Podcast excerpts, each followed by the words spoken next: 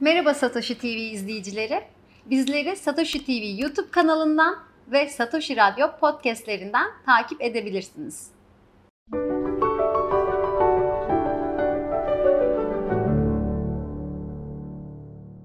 Bugünkü konuğum Yaşar Gündem.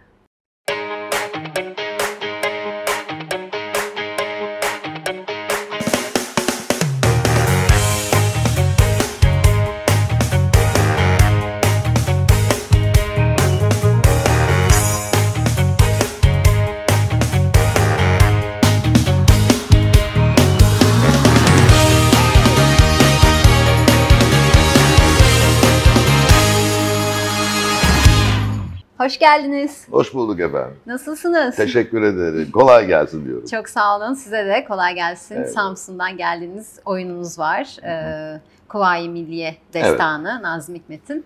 Öncelikle e, nasıl geçti oyun? Nasıl gidiyor? Ee, gayet iyi. Ee, Nazım'ın metni e, şurada okusam zaten ilgiyle dinleniyor. Yıllar önce bu, bu topraklar için Ulusal Kurtuluş Savaşı'nı yazan tek şair. Hı hı. Bu da bize nasip olmuş. Ve 150. oyununuzu oynadınız. E, sizde de şey oluyor değil mi? Yani her oyun başka bir oyun olduğu için yani 150. oyun nasıl geçti? 149. nasıldı falan böyle. Yani seyirci, e, işte şimdi ben burada hadi Nazım oynayayım desem siz ilk defa izleyeceksiniz. Bu benim için ilk oyun. Siz ilk kez izleyeceksiniz. Yani e, siz de biliyorsunuz zaten bu, aynı mesleği yapıyoruz. Sahneye çıktığımızda bildiğimiz bir şeyi ya biliyorum ben bunu dediğinizde zaten yapmacıkla oynamaya, rol yapmaya giriyor ki bu bizim hiç tasvip etmediğimiz bir durum. E, o, o anın yaşamalıyız, o anı ak- aktarabilmeliyiz, o anı içimizde e, hissedip, e, yaşayıp, o anda kalıp, o anı birlikte e, paylaşırsak sanırım o sinerjiyi yaratıyoruz. Hı hı. Benim için ilk oyun. İzleyici ilk kez izliyorsa onun için varsayalım ki bazı seyirciler ikinci, üçüncü kez geliyor. O onlar da ikinci geldiklerinde başka bir şey buluyorlar. Evet. Metnin tamamına bakmış oluyorlar. Daha sonra dekoru inceliyorlar, oyuncuya bakıyorlar. Ya diyor ben çok duydum bunu izleyenlerden. Ha ben ikinci kez izledim daha çok keyif aldım diyorlar. Birincisinde e, metni tam anlayamadım, tam takip edemedim mi diyor. İkincisinde çok keyif aldım. E, Valla e, metin ve oyuncuyu takip ederken ister istemez bazı şeyleri kaçırıyor izleyici. Hele günümüzde. Yani şimdi bile işte kamera arkasında olan arkadaşlar her ne kadar herkes işimizi yapsak da bir şekilde aklımızda WhatsApp var, ne bileyim Instagram var, sokak var, evdeki işler var. Hayat devam ediyor. Bu bağlamda da e, her türlü etkinliğe kendimiz dört dörtlük veremiyoruz. İkinci, üçüncü kez iz- izlediğimizde başka başka anlar ve tatlarla karşılaşıyoruz. Bazen bir kitabı da ikinci, üçüncüyü okumak gibi aynı zamanda filmi de değil mi? Bir de o izleyen e, artık yine o e, eskiden izleyen siz değilsiniz. Hani Hı hı. e, değişmiş oluyorsunuz. İki saat önceki siz bile siz olmadığınız için e, farklı olabiliyor. Yani iki saat önce belki mübalağa oldu ama yani bir, so- bir sene sonraki siz ya da pandemiden önceki siz bile farklıydınız belki. O zaman Hani- sürecinde değişiyoruz tabii ki. Demleniyoruz, zayıflıyoruz, kilo alıyoruz, canımız sıkılıyor. Ama sonuçta yine de yaptığımız dramaturji çalışmasında o metnin bir derdi var. Hı hı. O seçtiğimiz metni. O derdi, e, onun derdi olduğu için o cümleyi seyirciyle paylaşmak istediğimiz için seçiyoruz. Hı Ve bu bağlamda da o onun bir ana teması var. Oradan çok sağa sola sapmadan her ne kadar Evet, değişsek de. Değişsek de o Yani çok kaçmadan. sapmadan. Çünkü kaçarsak tam başka bir şey anlatmış oluyorsun. Sanırım metne İhanet mi oldu ihanet, biraz evet, da? kullanmak istemedim yani çok ağır kaçacak ama Ağır ihanet etmiş oluyorsun. Şunu sormak istiyorum aslında e, Samsun Sanat Tiyatrosu'nun kurucususunuz, Evet. oyuncususunuz, sanat yönetmenisiniz ve e, kurduğunuz günden beri belli oyunları seçip oynuyorsunuz. Bunların başında Aziz Nesin oyunları Hı hı. olsun, Turgut Özak, Özakman e, ya da Nazım Hikmet gibi e, isimlerin oyunlarını öncelikle tercih ediyorsunuz. Evet muhalif duruşu olan bir e, tiyatro kurmuşsunuz Evet, diyebiliriz. evet, E, bunda e, özellikle sizi dürten şey ne olmuştu? Ben e, kahvehanede o mahalle kültüründen yetişen e, 63'lüyüm. E, 78 kuşağına tekabül ediyorum sanırım. E, santaç oynamayı e, solcu abilerimden öğrendim. 68 kuşağından öğrendim. E, millet okey ve tavla oynarken, dama oynarken bana santaç oynamayı öğrettiler ki o kuşakta insanlar e, gençlerimiz ya gitar çalar, kitap okur, felsefe yapar. Böyle bir bu abilere müthiş bir saygım vardı benim ve solcu olmama da onlar neden oldu. Daha doğrusu hayata soldan bakmama Bakmayın. diyeyim. Bu bağlamda da e, çünkü tiyatroya çıktığınızda ben hep öyle diyorum. Bir atımlık barutum var. Ben bunu attığımdan 12'den vurmalıyım. Farkındaysanız e, 2000 yılından bugüne kadar 22 yıldır e, bir tane yabancı e, yazarın oyununu sergilemedim. Fırsat olmadı. Bertolt Hmm. Brecht oynamak isterdim, Shakespeare oynamak isterdim, Çehov oynamak isterdim. Bunu yapıyor zaten şehir tiyatroları, devlet hı. tiyatroları ve diğer tiyatrolar yapıyor. E, ben bu coğrafyada o kadar çok oynanacak hikaye, öykü, yaşanmışlık bize ait. O kadar çok şey var ki bunları bir türlü bitiremiyorum. Yabancı yazarlara yönelemiyorum, dönemiyorum. İzlemeyi çok istiyorum. Sergilemeyi çok istiyorum ama Şahsen Hüseyin bu bağlamda önümüze geldi. Hacı Bal eyledim, bir oğlum olacak adı Temmuz gibi bir ciddi anlamda bir Nazım kadar kuvvetli kaleme olan bir tarihçi, bir e, edebiyatçı, bir şairi e, sokaklar unutmaya başlamıştı. Hatırlatmak adına Hasan Hüseyin'i seçtik. E, Ataol Behramoğlu'ndan bir oyun hazırlıyoruz. Onun öykülerinden ve şiirlerinden. Hatta Cihan Demirci'nin karikatürist arkadaşımız Deli Gömleği Ütü istemez diye bir e, yazıları vardı. Onu oyunlaştırdık. Yani bu arada yine de e, Türk yazarlardan gidiyoruz. Soru neydi unuttum ben daldım başka Ee, yerlere Aslında ama. evet soru da yani buna benzer Evet, e, bir içeriği olan hani muhalif e, Evet. anlamda bir tiyatro belki. Ya muhalif ya da şimdi- tiyatro zaten yapan bir, şey- bir yerinden muhaliftir. herhalde değil mi? Bir e, şeylere karşı, kesinlikle, E, sorunu vardır, bir şeylerden rahatsız Ya oluyordur. siz de tiyatro Hani- yapıyorsunuz. Yani biz seyirciye yağmurun yağacağını söyleyebiliriz. Anlatırız. Ve bir tane şemsiyemiz vardır. Açarız ve gideriz. Yani seyirciye şemsiye veremeyiz. Onlar gidecekler, bulacaklar kendilerini.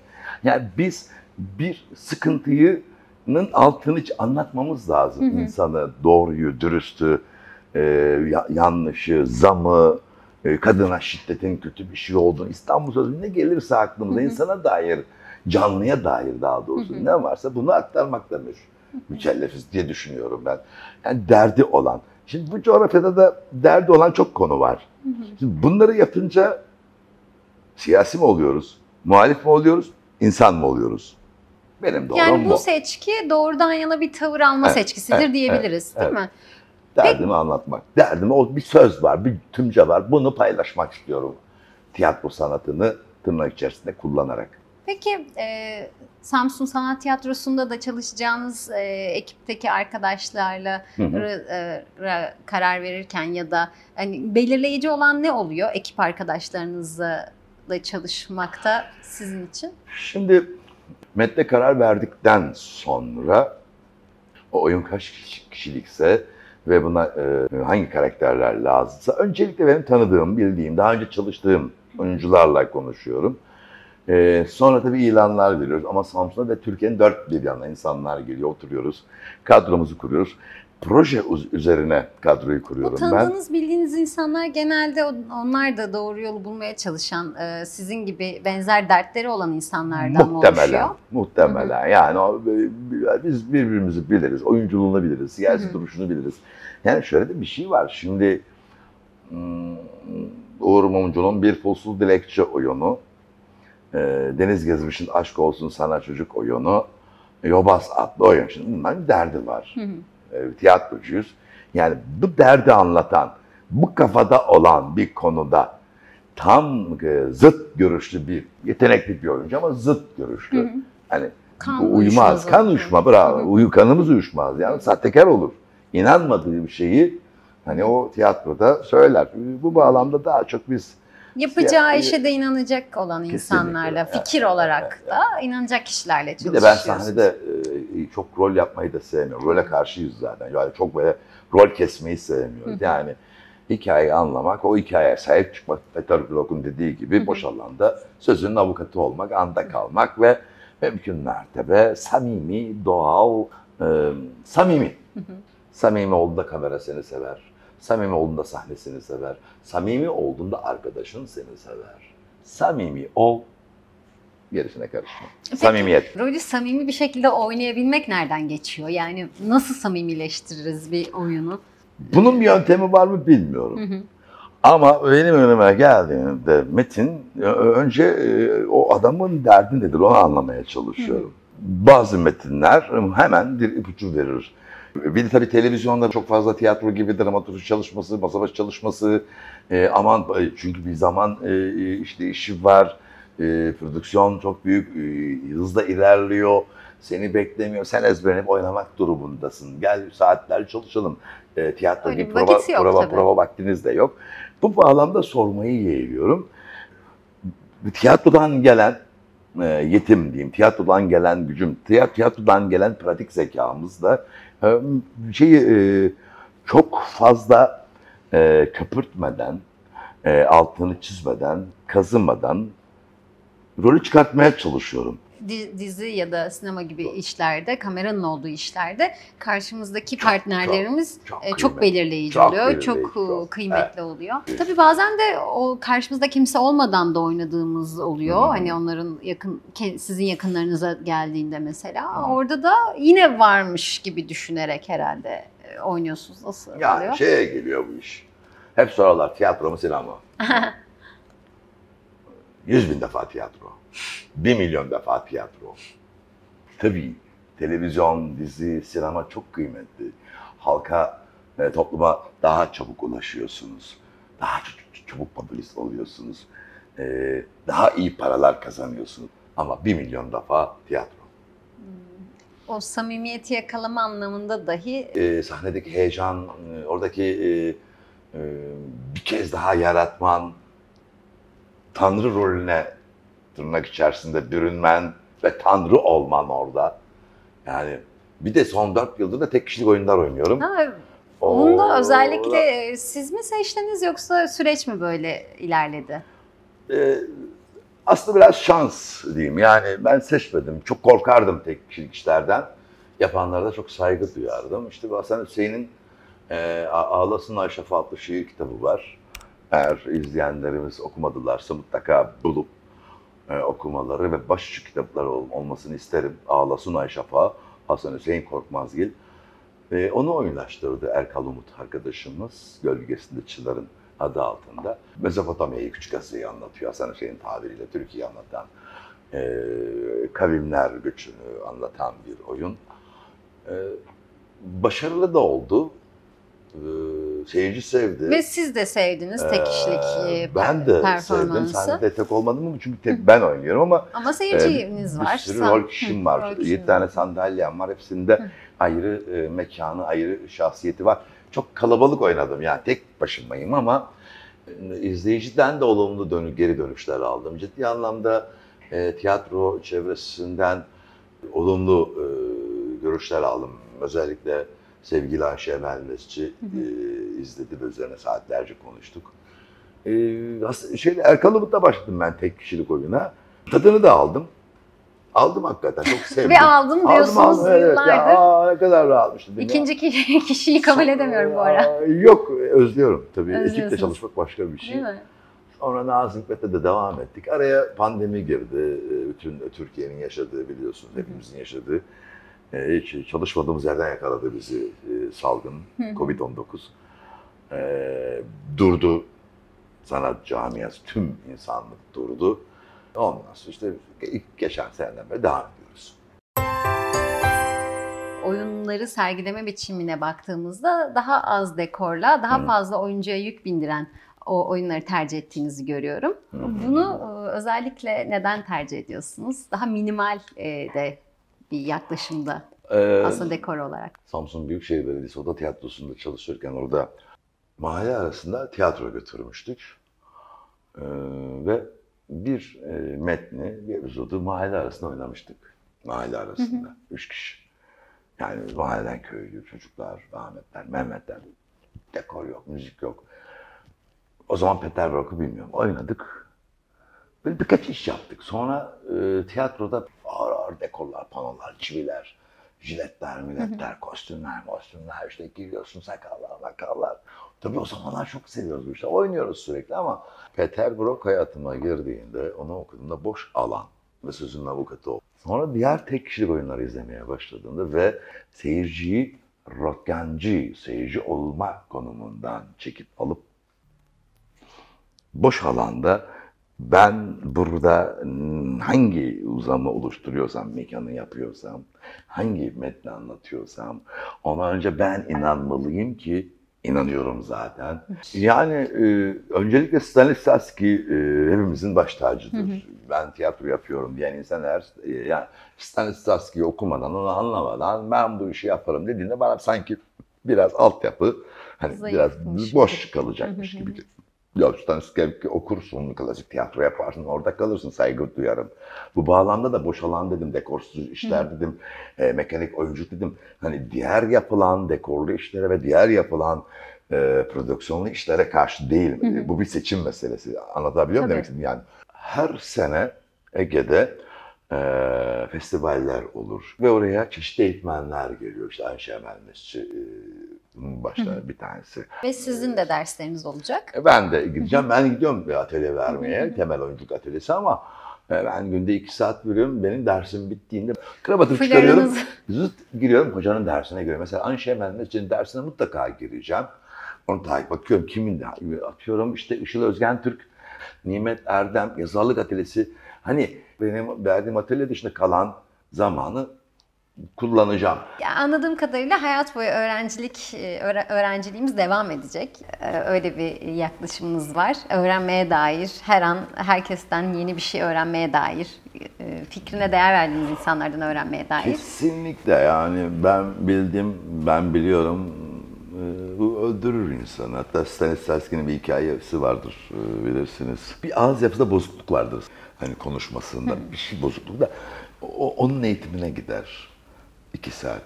Provaya geç kalacağım. Stella sen başla der. Bunu dediğinde Stanislavski 72 yaşındadır. Hmm. Yani tiyatro böyle ciddi bir iş. Yani o e, öğrenmek, düzeltmek, e, devam eden bir şey. E, siz bir gün sonraya evrilirken doğa yerinde durmuyor ki, bilgi yerinde durmuyor. Bu bağlamda öğreneceğimiz çok şey var tabii ki. Biz öğrenmeye başladığımızda bir şeye merak sardığımızda başka bir kuram çıkıyor bir yerden, başka bir deneme çıkıyor.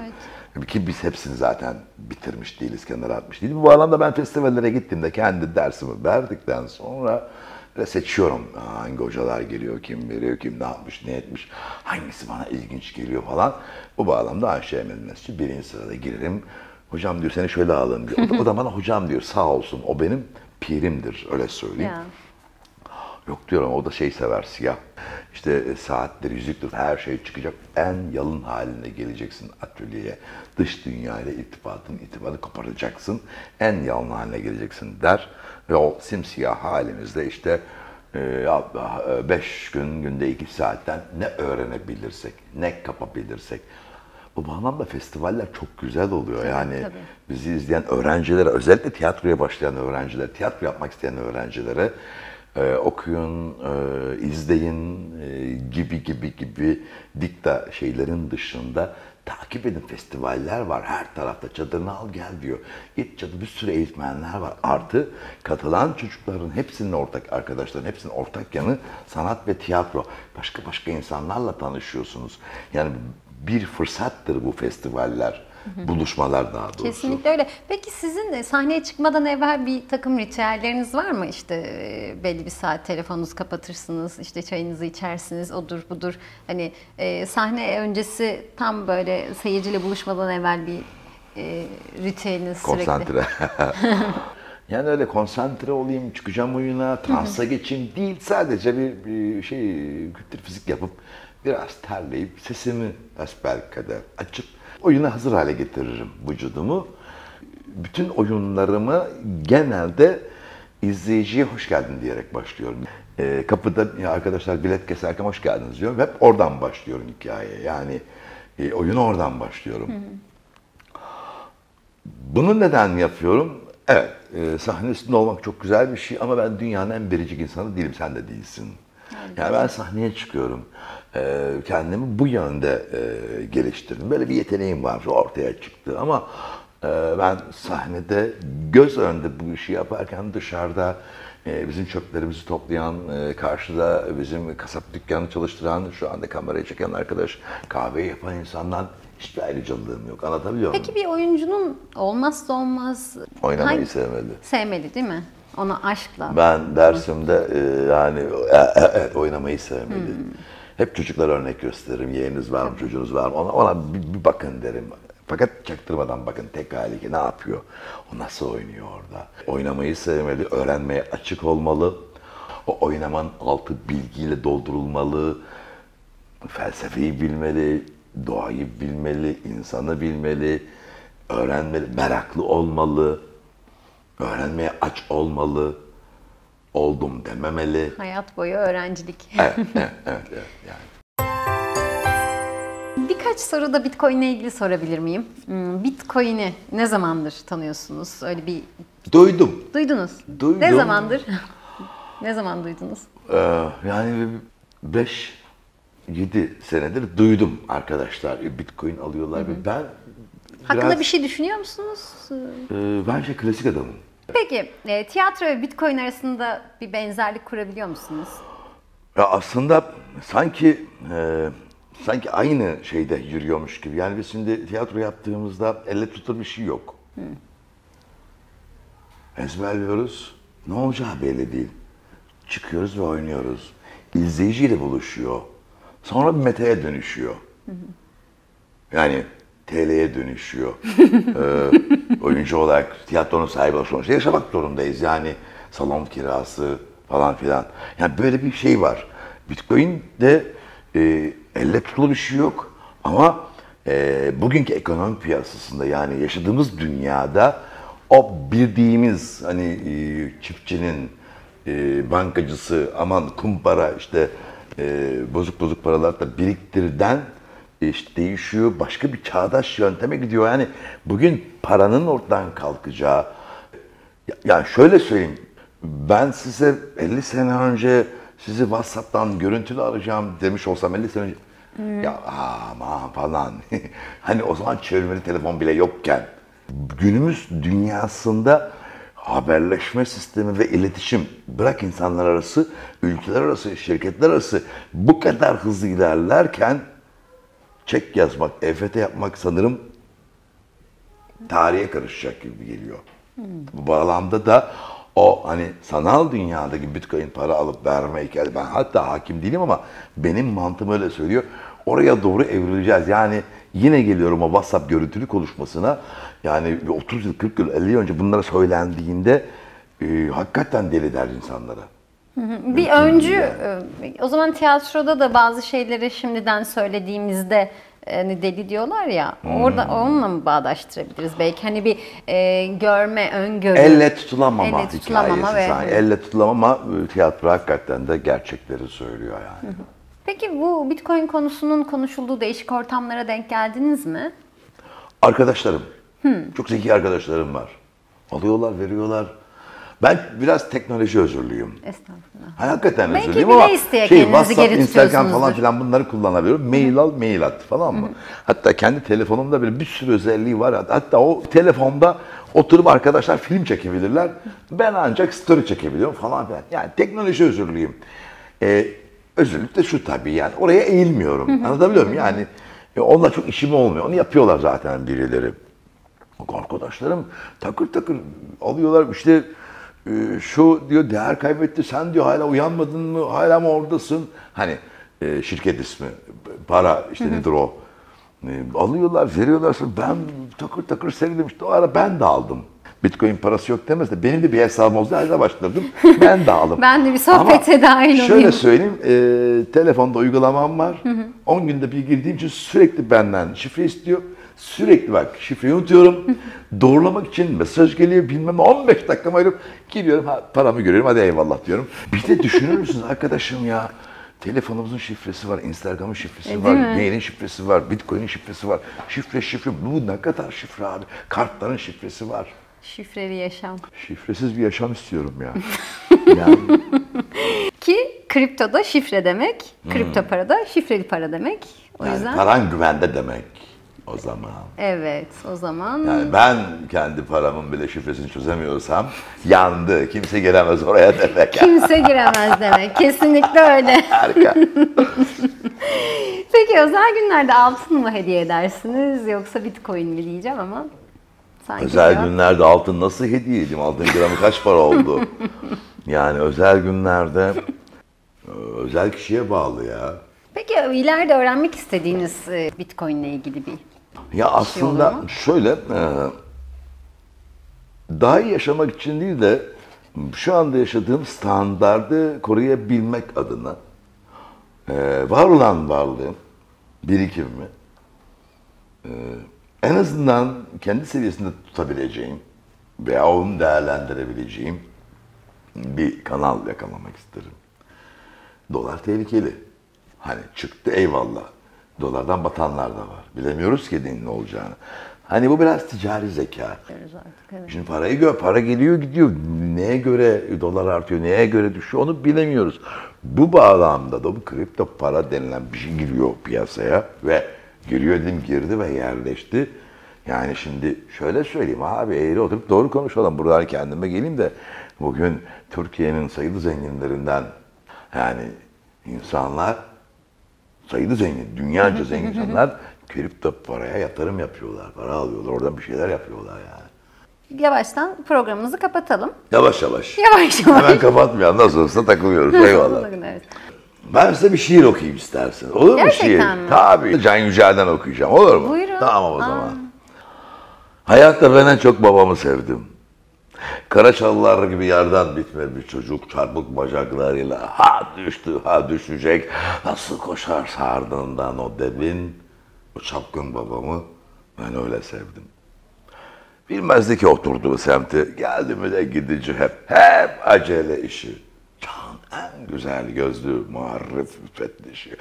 Atlas'tan bakardım nereye gitti. Öyle öyle ezberledim gurbeti. Sevinçten uçardım hasta oldum mu? Kırkı geçerse ateş çağırırlar İstanbul'a. Elbet bir helalleşmek isterdim oğluyla. Tifoyken başardım bu aşk oyununu.